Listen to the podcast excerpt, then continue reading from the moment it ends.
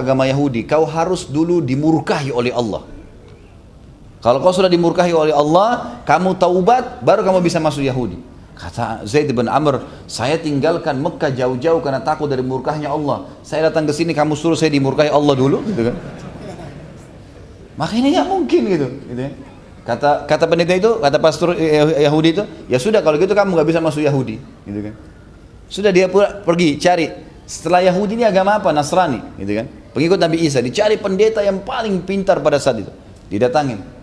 Lalu kemudian ditanya, bagaimana ya, agama kalian ini dijelaskan panjang lebar. Sudah selesai panjang lebar, lalu kemudian dia mengatakan, maaf, tadi waktu berpisah sama pendeta Yahudi itu dia sempat bilang, saya tidak bisa ikut agama kalian ini. Ada agama lain yang kau asarankan? Dia bilang tidak ada agama lain, karena orang-orang Yahudi nolak Nasrani kan. Tidak ada agama lain kecuali kau berpegang pada, pada agama Hanif. Apa itu agama Hanif? Agamanya Ibrahim alaihissalam.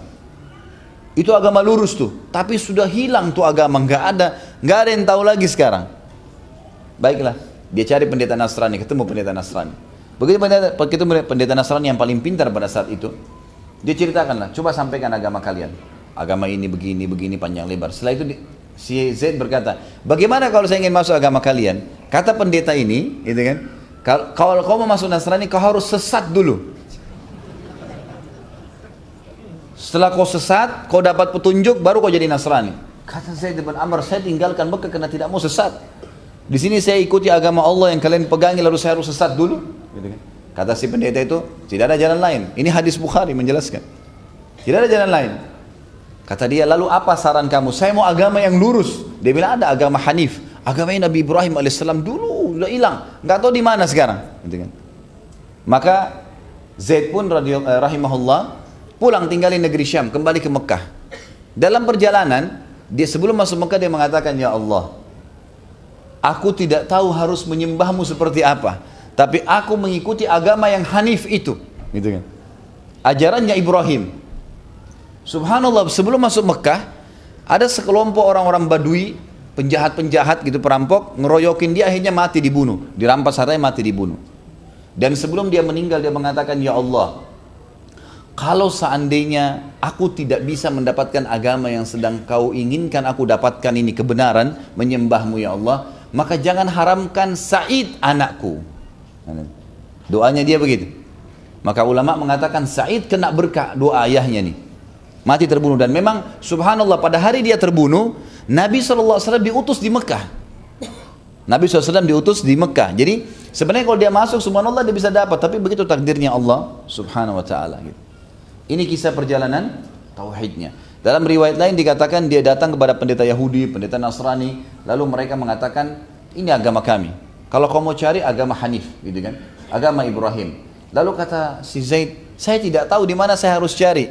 Si pendeta Nasrani sempat mengatakan, kamu dari mana? Dia bilang saya dari Mekah. Dia bilang kembalilah di sana karena akan keluar nabi terakhir bernama Ahmad yang akan melanjutkan agama Ibrahim itu.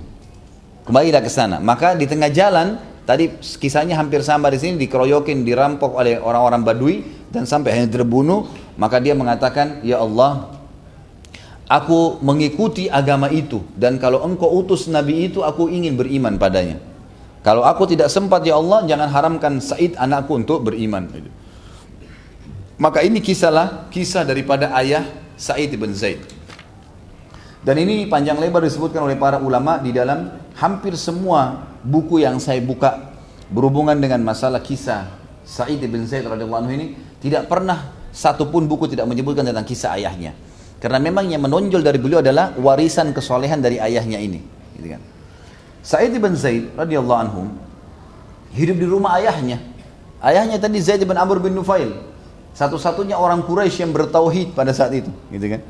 Dan Nabi SAW sudah menjamin baginya bahwasanya dia akan dibangkit, dibangkitkan pada hari kiamat ya sebagai satu umat. Dan itu disebutkan dalam riwayat Imam Ahmad dalam musnadnya dan juga dikatakan sanadnya sahih. Pada saat Ibnu Ishaq rahimahullah berkata, aku diberitahukan bahwasanya anaknya Zaid bernama Sa'id bin Zaid bin Amr bin Nufail dan Umar bin Khattab sepupunya berkata kepada Rasulullah SAW, maka apakah kami boleh beristighfar, memohon ampun untuk Zaid ibn Amr? Kata Nabi SAW, Naam, iya. fa innahu yub'atsu ummatan wahidah karena dia akan dibangkitkan hari kiamat satu umat sendiri. Kemudian yang kedua, teman-teman sekalian, pelajaran yang kita bisa ambil dari kisah ini adalah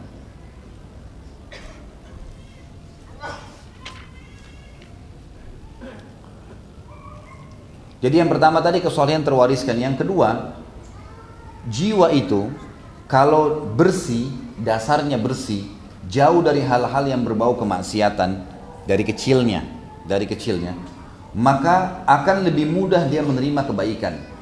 Yang saya ingin titik beratkan di sini teman-teman sekalian, jangan pernah wariskan perbuatan buruk kita kepada anak-anak. Saya kasih contoh gini.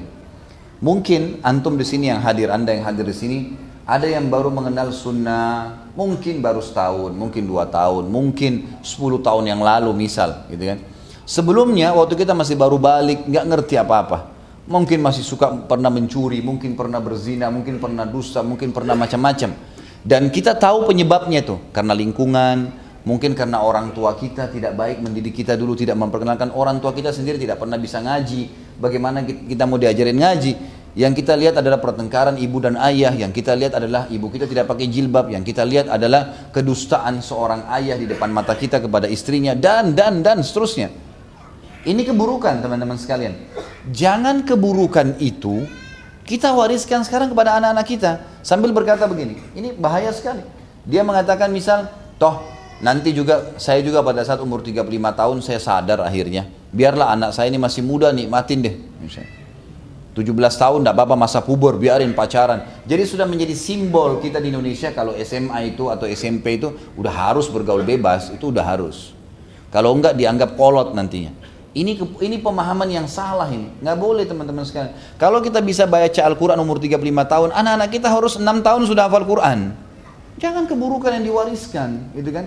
Paksain mereka tanya konsultasi dengan para orang-orang menghafal Quran bagaimana caranya Orang di Madinah teman-teman sekalian sampai sekarang, kalau mereka bertemu satu sama yang lain, pasti yang paling pertama ditanya, anakmu sudah hafal berapa juz? Ini kalau saya pegang anak saya, teman saya pegang anaknya di Madinah, itu kalau datang ketemu, yang paling pertama setelah salaman tanya, anak kamu siapa namanya? Si Fulan, Abdullah misalnya. Anak kamu siapa? Ahmad. Berapa yang Abdullah, berapa juz yang Abdullah sudah hafal? Itu kalau sudah SD kelas 2, kelas 3 itu minimal 15 juz sudah biasa mereka. Oh baru 15 juz, baru 15 juz. Kita sekarang 40 tahun, satu juz saja mending kalau ada gitu kan. Ini 6 tahun, baru 15 juz, baru begini, subhanallah. Saya baru lihat cuplikan ke mana ada satu anak di Saudi, ayahnya seorang da'i masyhur, masya Allah. Di rumah ayahnya itu ada perpustakaan, kitabnya ada ribuan kitab, gitu kan? Ribuan kitab.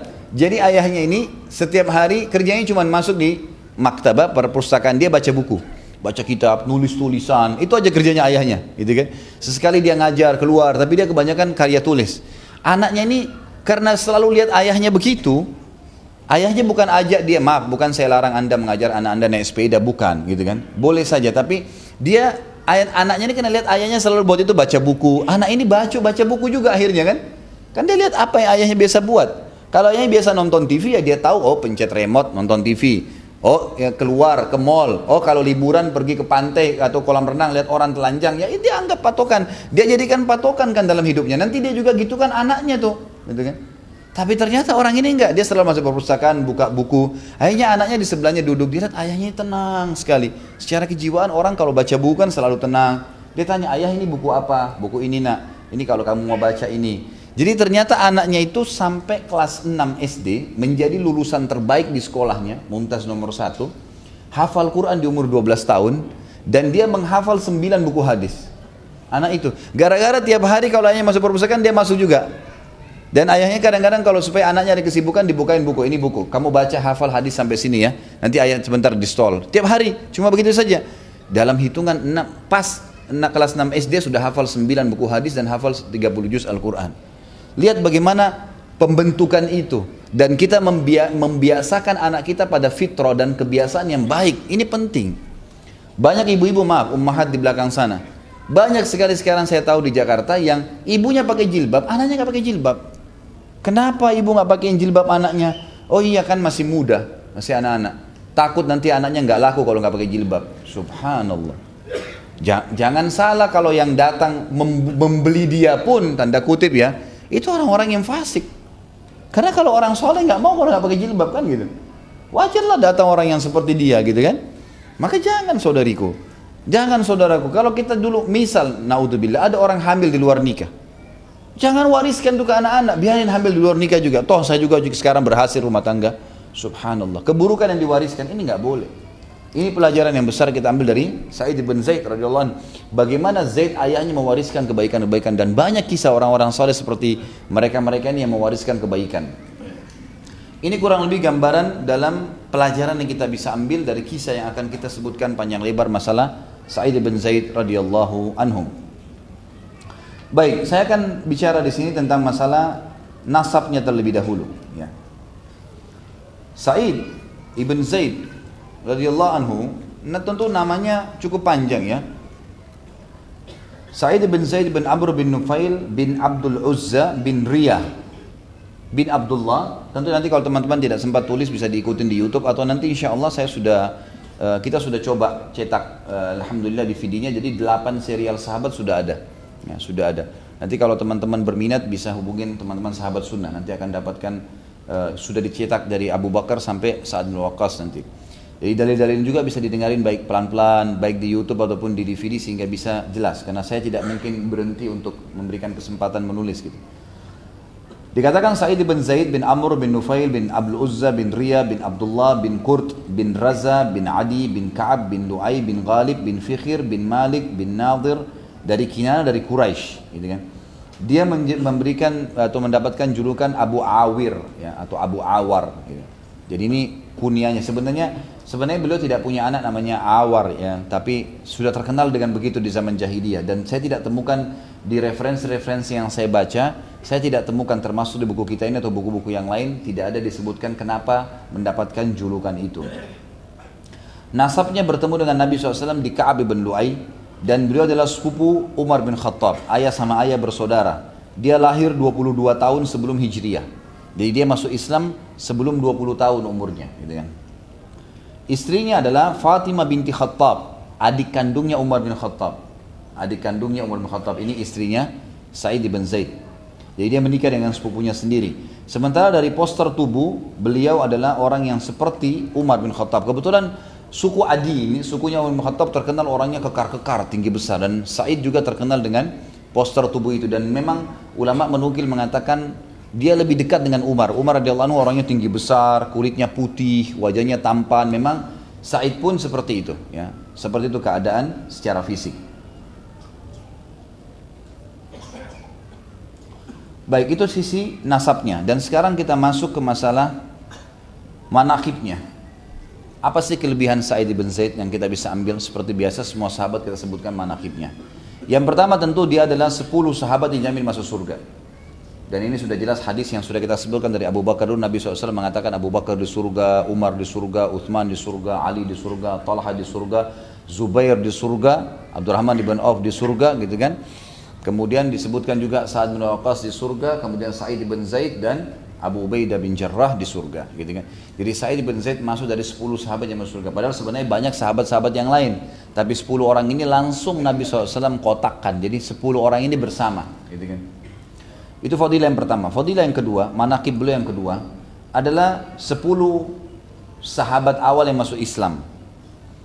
Jadi setelah Abu Bakar, Umar, Uthman, eh, Abu Bakar, Umar, kemudian sahabat-sahabat Nabi Uthman, kemudian Abdurrahman bin Auf, masuk di antaranya Sa'id bin Zaid yang pertama-tama masuk Islam. Kemudian pada saat dia pertama masuk Islam, karena ayahnya sering menceritakan kepada dia tentang agama Tauhid. Waktu dia mendengarkan Nabi SAW diutus menjadi Nabi, maka Said pun sudah tahu dari ayahnya nih. Bagaimana harus bertauhid, dia hadir di majelis Nabi SAW sekali langsung dia syahadat. Langsung dia syahadat. Dan seperti tradisi sahabat-sahabat yang lain seperti Abu Bakar, Umar dan lainnya, mereka begitu masuk Islam, maka mereka langsung spontan mengucapkan. Maaf tentu Umar di sini belum masuk Islam ya. Jadi yang 10 masuk surga itu eh, 10 awal masuk masuk Islam itu adalah Abu Bakar, kemudian Ali bin Abi Thalib, kemudian Zaid bin Haritha, Sahabat-sahabat Nabi yang sudah masyhur yang masuk-masuk Islam di awal.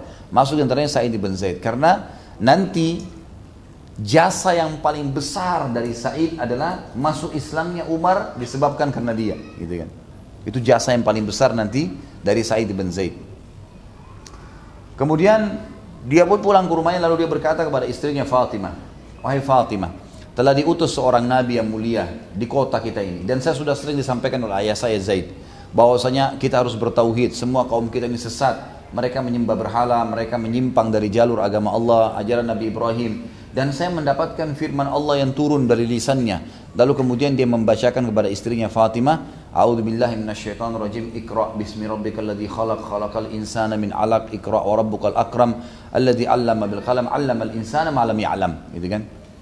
Jadi Iqra bismi rabbikal ladzi khalaq, bacalah perkataan Tuhanmu yang telah menciptakan. Dan seterusnya sampai akhir ayat tadi. Kemudian Fatimah waktu dengar, Fatimah juga ini wanita yang baik, langsung spontan mengatakan, mulia benar kata-kata itu. Lalu apa panduanmu wahai Said?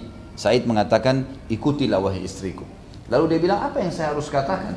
Lalu kata Said, ucapkanlah asyhadu an la ilaha illallah wahdahu la syarika la wa asyhadu anna Muhammadan abduhu wa rasuluh. Maka Fatimah pun tanpa ragu langsung mengucapkan syahadat. Masuk Islamlah mereka berdua dan akhirnya mereka mulai mempelajari Islam.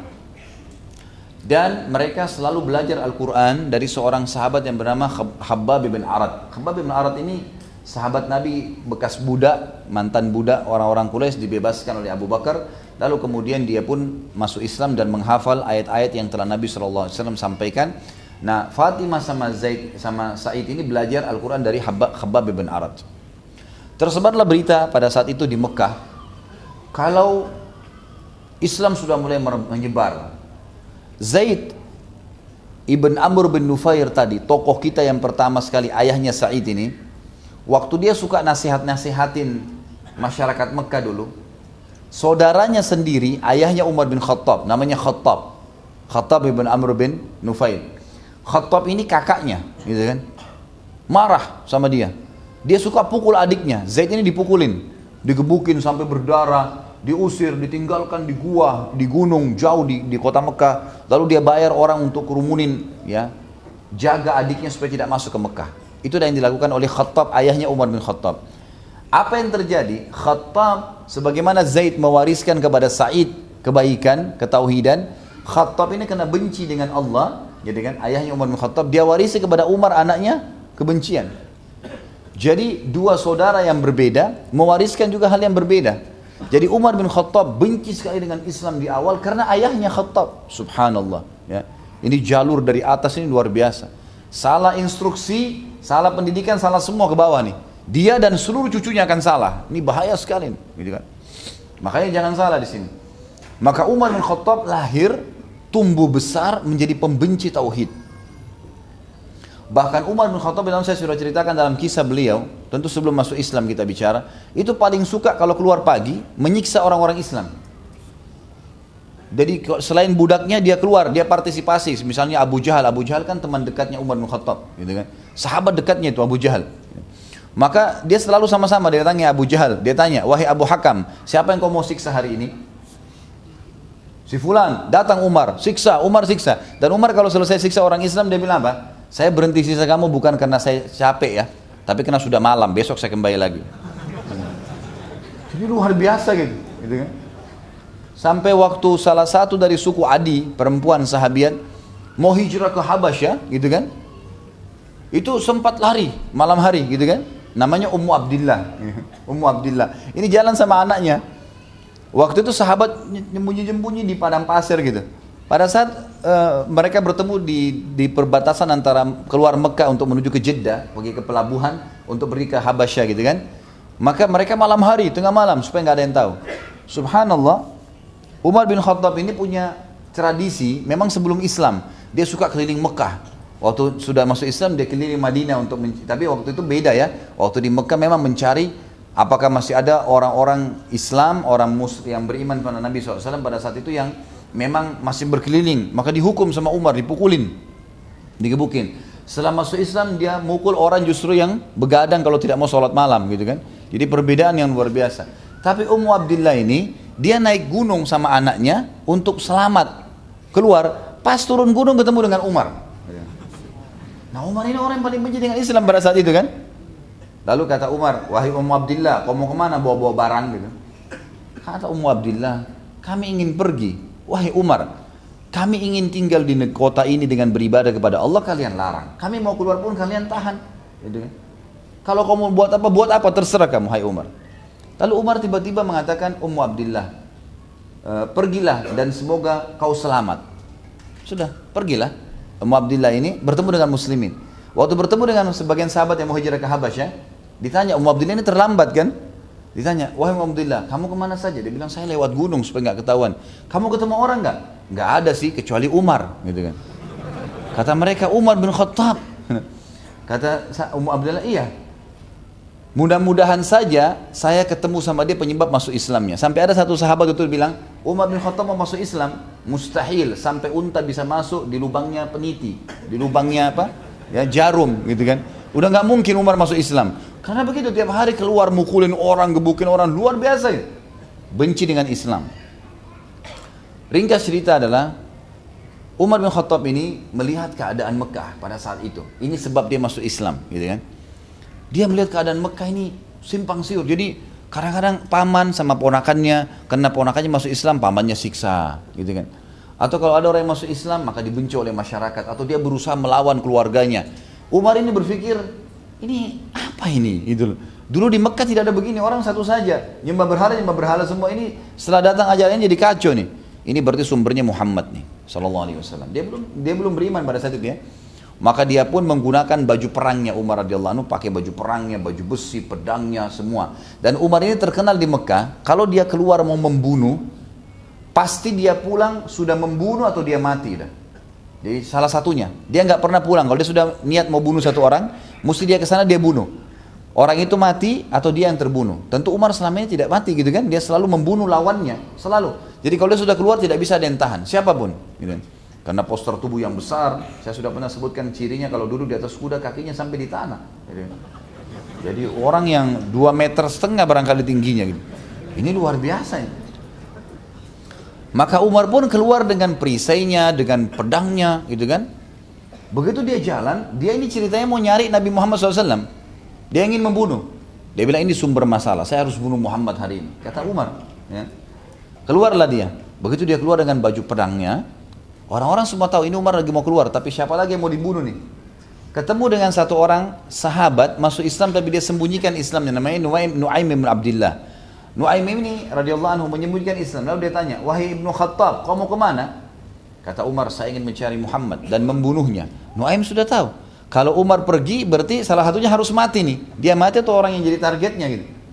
Maka Nuaim kena takut pada Nabi SAW, jangan sampai Nabi terjadi sesuatu. Karena baru, baru masuk Islam ya. Belum tahu kalau Allah akan menolongnya dan seterusnya. Belum sampai pada tingkat itu. Maka kata Nuaim, untuk mengalihkan Umar, dia bilang, wahai Ibnu Khattab, daripada kau repot-repot cari Muhammad, Lihat keluargamu sendiri. Keluargamu saya sudah ada yang ikut ajarannya. Umar tiba-tiba balik. Siapa yang kau maksud? Dia bilang iparmu Sa'id ibn Zaid dan istrinya Fatimah binti Khattab adikmu sendiri.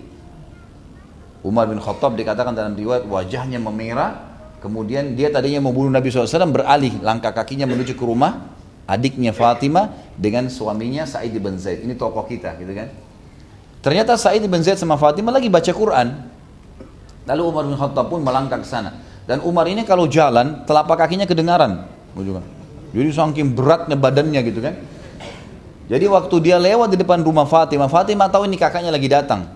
Khabab bin Arat disembunyikan, guru ngaji mereka disembunyikan dalam kamar. Lalu Quran yang masih di atas kulit unta pada saat itu disimpan. Tapi belum sempat disimpan, Umar bin Khattab sudah mendobrak pintu. Gitu kan. Ini bukan cuma mengetuk tapi mendobraknya. Dalam riwayat dikatakan sampai rubuh pintu itu kan. Kemudian Umar masuk dan mengatakan, apa yang kamu lakukan? Gitu kan. Apa yang kalian lakukan? Apa yang saya dengar tadi? Gitu kan. Kata Fatimah, tidak ada apa-apa. Dia bilang tidak, ada tadi yang saya dengar. Lalu kata Sa'id, Sa'id bin Zaid mendekati dia mengatakan, wahai Umar, kami mengikuti kebenaran. Dan kami mengikuti apa yang telah turun kepada Muhammad SAW yang diutus oleh Tuhannya Allah. Ama Umar dalam riwayat dikatakan Sa'id bin Zaid ini besar seperti dia, dipelintir lehernya, dijatuhin ke tanah, gitu kan. Terus dadanya didudukin oleh Umar. Sa'id ini. Lalu Sa'id sudah tahu ini Umar akan membunuh. Dia sudah hanuskan pedangnya, dia akan bunuh iparnya nih, Sa'id bin Zaid, gitu kan. Sa'id dengan pasrah mengatakan, walaupun kau bunuh saya tidak ada masalah. Saya tidak takut sama sekali. Fatimah rupanya tahu kakaknya ini kalau bunuh ya bunuh gitu kan. Dia membela suaminya. Kemudian dia mendekati, dia ingin mendorong Umar, Umar bin Khattab spontan memukul adiknya berdarah bibirnya jatuh. Waktu jatuh, tiba-tiba Fatimah mengucapkan kalimat justru radhiyallahu anha yang membuat kakaknya Umar bin Khattab jadi luluh.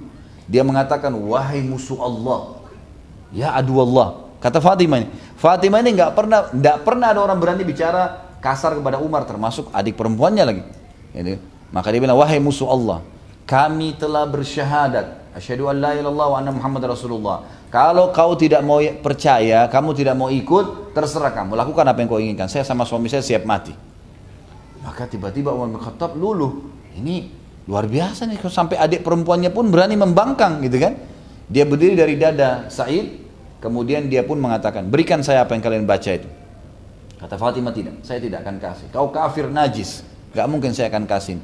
Kata Umar baik, apa yang kau sarankan supaya bisa saya baca? Kata adiknya kamu harus mandi. Maka dia pun pergi mandi, gitu kan? Dan di sini sebagian ulama fikih mengatakan dianjurkan orang yang non muslim mandi, tapi ini sebenarnya tidak benar, gitu kan? Ini bukan jadi patokan karena waktu itu ijtihadnya Fatimah radhiyallahu anha. Itu upaya beliau sendiri karena terbukti dalam riwayat-riwayat Bukhari setelah Amal Fath pembebasan kota Mekah, suku-suku Arab kan banyak banyak banyak yang masuk Islam ya. Tapi waktu itu Nabi SAW cuma suruh syahadat nggak ada yang disuruh mandi. Jadi nggak ada syarat masuk Islam itu mandi. Syahadat selesai, Muslim gitu kan. Ringkas cerita Umar bin Khattab pun mematuhinya setelah mandi dia pegang surat tersebut apa ayat-ayat tersebut ternyata surat Toha gitu kan. Jadi surat Toha surat yang mulia menceritakan tentang Nabi Musa alaihissalam dengan kaumnya gitu kan. Jadi ter, di awal-awal ayat menceritakan Al-Quran turun kepada Nabi SAW bukan untuk menyesakkan dada beliau tapi justru untuk melapangkan dada beliau. Toha ma anzalna alaikal Qur'an litashqa. Toha Allah katakan nama surah itu gitu kan. Kami tidak turunkan Al-Quran untuk membuatmu susah. Ya. Illa tadhkiratan liman yakhsha. Tapi untuk peringatan bagi orang-orang yang mau tunduk, mau mengenal Tuhannya. Teruslah uh, dibaca oleh Umar bin Khattab ayat-ayat tersebut sampai hatinya luluh. Kata Sa'id bin Zaid, waktu saya lihat Umar membacanya dan saya melihat ya biasanya Umar itu kelihatan otot-ototnya yang kekar, kelihatan dari wajahnya memang orang yang keras gitu ya. Maka tiba-tiba saya melihat semuanya luluh ya. Dari wajahnya, dari tatapan matanya. Maka saya pun tiba-tiba berkata kepada Umar, wahai Umar, tidakkah kau saatnya untuk menerima ini? Gitu ya. Maka Umar pun mengatakan, tunjukkan kepada saya di mana rumahnya Muhammad. Jadi perkataan Said tadi menarik Umar untuk mengucapkan syahadat. Ini sederhana ya, tapi efeknya besar. Karena ternyata dia coba punya andil dan ini penting teman-teman sekalian. Setiap kali antum mau berbuat satu kebaikan, jangan pernah buat sendiri.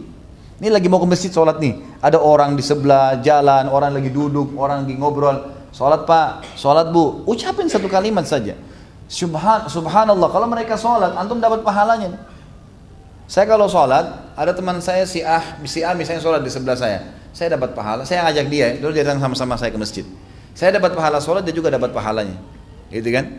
Tapi dia dapat, misalnya saya dapat 100, dia dapat 100. Tapi saya dikasih sama Allah pahala 100 seperti nilai dia karena saya mengajaknya. Kalau saya mengajak 10 orang, 100 orang, gitu kan?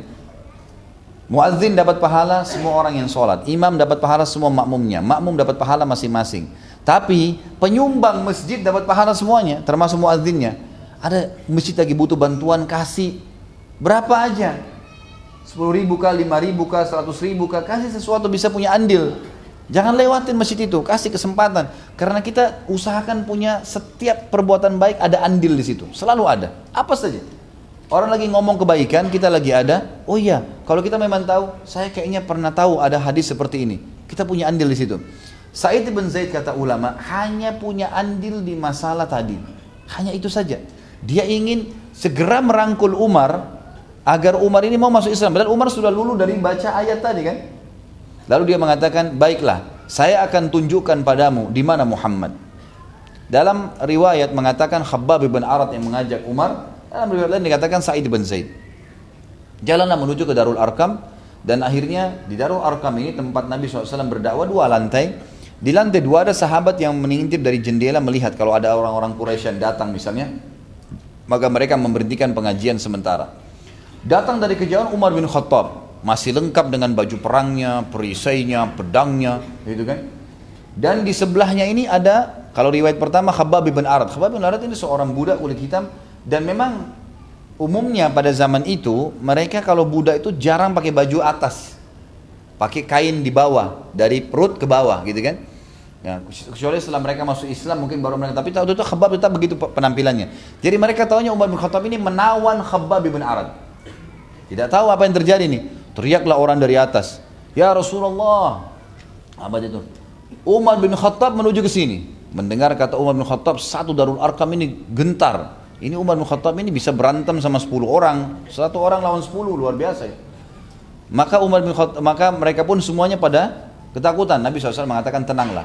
Ada Hamzah radhiyallahu nanti akan ada kisah Hamzah tentunya. Hamzah radhiyallahu paman Nabi juga terkenal, tinggi besar, kekar. Dan ada dua orang Quraisy dulu terkenal, kalau berburu burunya itu singa, harimau, bukan bungu rusa. Itu Hamzah dan Umar. Dua orang ini kalau pulang masuk Mekah yang digendong harimau, gitu kan, sama singa. Jadi ini luar biasa dua orang. Memang fisiknya kuat, pemberani, luar biasa. Jadi bukan menangkap kelinci, bukan kayak antum ayam atau. Akhirnya mereka tahu nih siapa Umar datang. Semua getar. Kata kata Hamzah, ya Rasulullah, biarkan dia masuk. Kalau dia macam-macam saya yang hadapin, gitu kan. Kata Nabi SAW, masukkan Hamzah dalam kamar. Hamzah ditaruh dalam kamar, nggak boleh ketemu. Lalu kata Nabi SAW, bukalah. Dia buka pintu. Waktu masuk, Umar bin Khattab melihat Nabi SAW, tundukkan penglihatannya. Orang sudah heran. Dia bukan huluskan pedang, malah tundukkan penglihatannya. Lalu kemudian Nabi SAW dekati dan memegang pundaknya. Nabi juga orangnya tinggi besar, kekar, gitu kan? Saya sudah pernah sebutkan cirinya Nabi SAW jarbu memang tidak setinggi Umar bin Khattab tapi juga tidak setinggi, tidak sependek Abdullah bin Mas'ud. Jadi jarbu sangat tinggi besar kekar Nabi SAW juga gitu kan? Boleh punya dada yang bidang punya perut yang seperti batu keras. Jadi memang Nabi SAW juga kuat. Dan semua Nabi punya kekuatan 10 orang laki-laki. Maka Nabi SAW pegang pundaknya lalu menggoncangnya dengan kuat sambil mengatakan wahai ibnu Khattab belum saatnya kau terima kebenaran maka Umar makin tundukkan matanya. Lalu kedua kali, wahai Ibnu Khattab dengan keras disentak oleh Nabi SAW. Belum saatnya kau sadar menerima kebenaran, dia tundukkan lagi, makin tunduk kepalanya Umar radhiyallahu anhu. Lalu yang ketiga kata Nabi SAW, eh, kata para sahabat disentak oleh Nabi dengan keras pundaknya. Wahai Ibnu Khattab, belum saatnya kau terima kebenaran. Maka Umar bin Khattab melututkan, menunjukkan lututnya di tanah lalu mengatakan asyhadu an la ilaha illallah wa anna Muhammad Rasulullah. Inilah awal kejayaan Islam atau Umar masuk Islam. Di situlah nanti kita akan lihat peperangan-peperangan akan datang termasuk Said bin Zaid yang hadir, perang Yarmouk, perang Qadisiyah, perang Ajnadin, perang-perang yang besar, bagaimana Islam terekspansi wilayah Syam, bagaimana Bizantium runtuh di tangan kaum muslimin, bagaimana Persia runtuh di tangan Umar bin Khattab. Dan Said bin Zaid punya andil di keislaman Umar hanya karena dia tahu dan dia merangkul nih. Apa susahnya punya andil dalam hal yang kecil lalu kita punya banyak hal yang besar gitu kan. Jangan pernah tunda menasihatin orang lain demi kebaikan. Nasihatin baik-baik, gitu kan. Jangan berikan jangan berikan peluang syaitan untuk membuat kita ragu untuk menyampaikan kebenaran itu.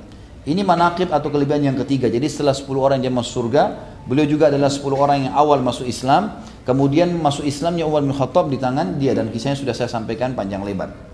Kemudian yang keempat adalah beliau juga menghadiri semua peperangan Nabi SAW kecuali Badr. Kecuali perang Badar. Jadi semua peperangan Nabi tidak pernah ditinggalkan oleh Said bin Zaid radhiyallahu anhu. Dan beliau pada saat perang Badar sedang diutus oleh Nabi SAW bersama Talha bin Ubaidillah. Talha bin Ubaidillah juga termasuk ada 10 orang sahabat yang Nabi hitung termasuk ahli Badar, gitu kan? Yang tidak sempat hadir, tidak sempat hadir. Tapi Nabi hitung mereka hadir di Badar. Di antaranya Uthman bin Affan pernah saya ceritakan. Uthman bin Affan itu karena menjaga istrinya Ruqayyah anak Nabi SAW maka tidak ikut berperang.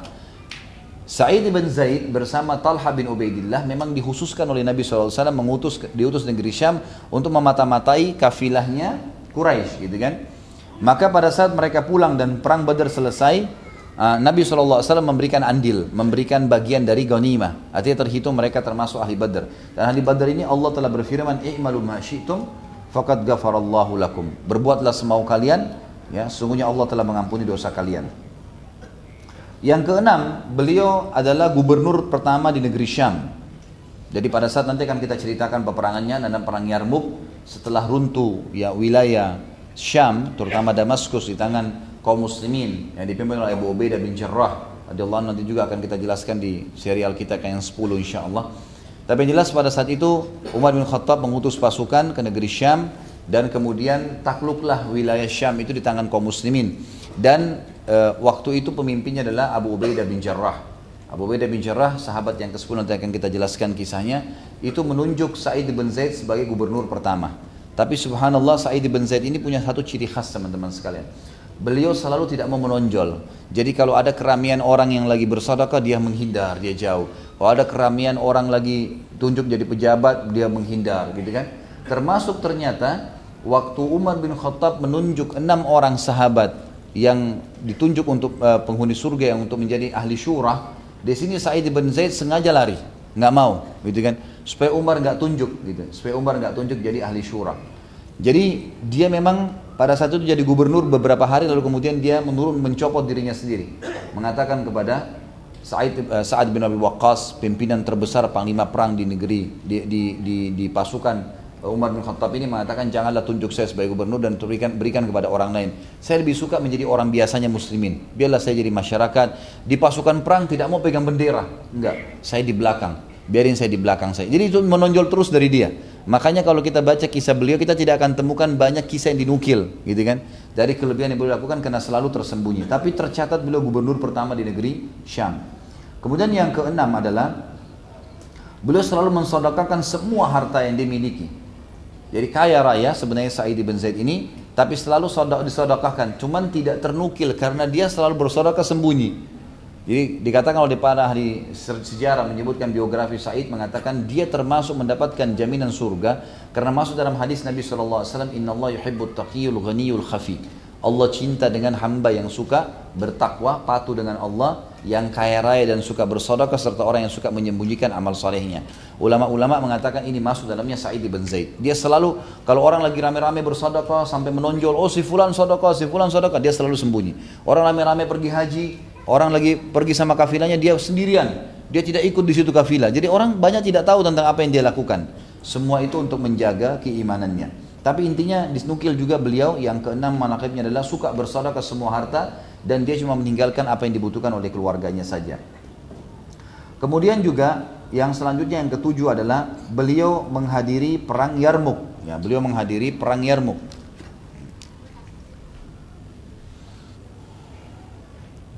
Dan yang kedelapan mengikuti perang Ajnadin. Saya akan sebutkan dua peperangan ini sepintas ya. Tapi izinkan saya menyebutkan dulu nanti saya kembali ke poin 7 dan 8. Beliau hadir di perang Yarmuk dan hadir di perang Ajnadin. Yang kesembilan Abu Bakar meminta saran Sa'id bin Zaid saat akan menunjuk Umar bin Khattab menjadi khalifah. Jadi waktu um, Abu Bakar ingin menunjuk Umar bin Khattab jadi khalifah, sempat meminta saran kepada beberapa sahabat yang dianggap punya kedekatan diri dengan Allah Subhanahu wa taala. Di antaranya Sa'id bin Zaid. Jadi Abu Bakar menunjuk dia bukan karena sepupunya Umar tapi menanyakan bagaimana pendapat tentang Umar lalu dia memotivasi Abu Bakar untuk memilih Umar bin Khattab. Dan di sini juga ulama mengatakan selain masuk Islamnya Said sudah punya andil, Umar, masuk Islamnya Umar juga dia punya andil di masalah kekhilafaannya, gitu kan. Kemudian yang ke-10 adalah doanya mustajab. Doanya mustajab. Jadi doanya mustajab ini sebenarnya saya akan sampaikan nanti di penutupan bahasan kita. Kalau yang pegang buku ada di halaman 9 di halaman 9. Saya akan mulai menceritakan dulu tentang masalah perang Yarmuk. Perang Yarmuk ini teman-teman sekalian adalah terhitung perang pertama ekspansi kaum muslimin Arab dari jazirah Arab menuju keluar. Jadi selama ini mereka tidak pernah dan belum pernah dalam sejarah jazirah Arab itu orang-orang Arab berani melawan orang ajam, belum pernah. Belum pernah ada sejarah pasukan Arab itu keluar melawan Persia, melawan Romawi, belum pernah dalam sejarah Arab sama sekali. Mereka malah menjadi budak, mereka malah menjadi orang-orang yang suka patuh saja. Kalau orang Persia datang dengan pasukannya, mereka tunduk sama Persia. Kalau orang Romawi datang, mereka tunduk sama Romawi. Jadi begitu saja. Mereka tidak pernah punya kekuatan dan keberanian untuk menembus keluar. Di zaman Abu Bakar radhiyallahu anhu, di zaman akhir khilafahnya beliau di tahun 13 Hijriah, di awal-awal tahun 13 Hijriah, Abu Bakar membentuk pasukan. Dan pasukan ini dipimpin oleh Khalid bin Walid radhiyallahu anhu menuju ke Yamamah menyelesaikan fitnah jazirah Arab. Termasuk adanya Musailam al-Kadzab orang yang mengaku dusta gitu kan uh, Nabi ada fitnahnya uh, Aswad al-Unsi satu orang juga di Yaman yang mengaku sebagai Nabi dan seterusnya intinya jazirah Arab berhasil diamankan lalu Abu Bakar mengumpulkan pasukan pada saat itu berjumlah sekitar 40 ribu orang pasukan mujahidin untuk membersihkan jazirah Arab dari orang-orang yang masih kufur kepada Allah taala Dan mereka akhirnya pasukan Khalid bin Walid dialihkan menuju ke Kuwait sekarang, negeri Kuwait ya. Dulu bukan namanya Kuwait tentunya. Lalu kemudian menaklukkan wilayah Kuwait itu.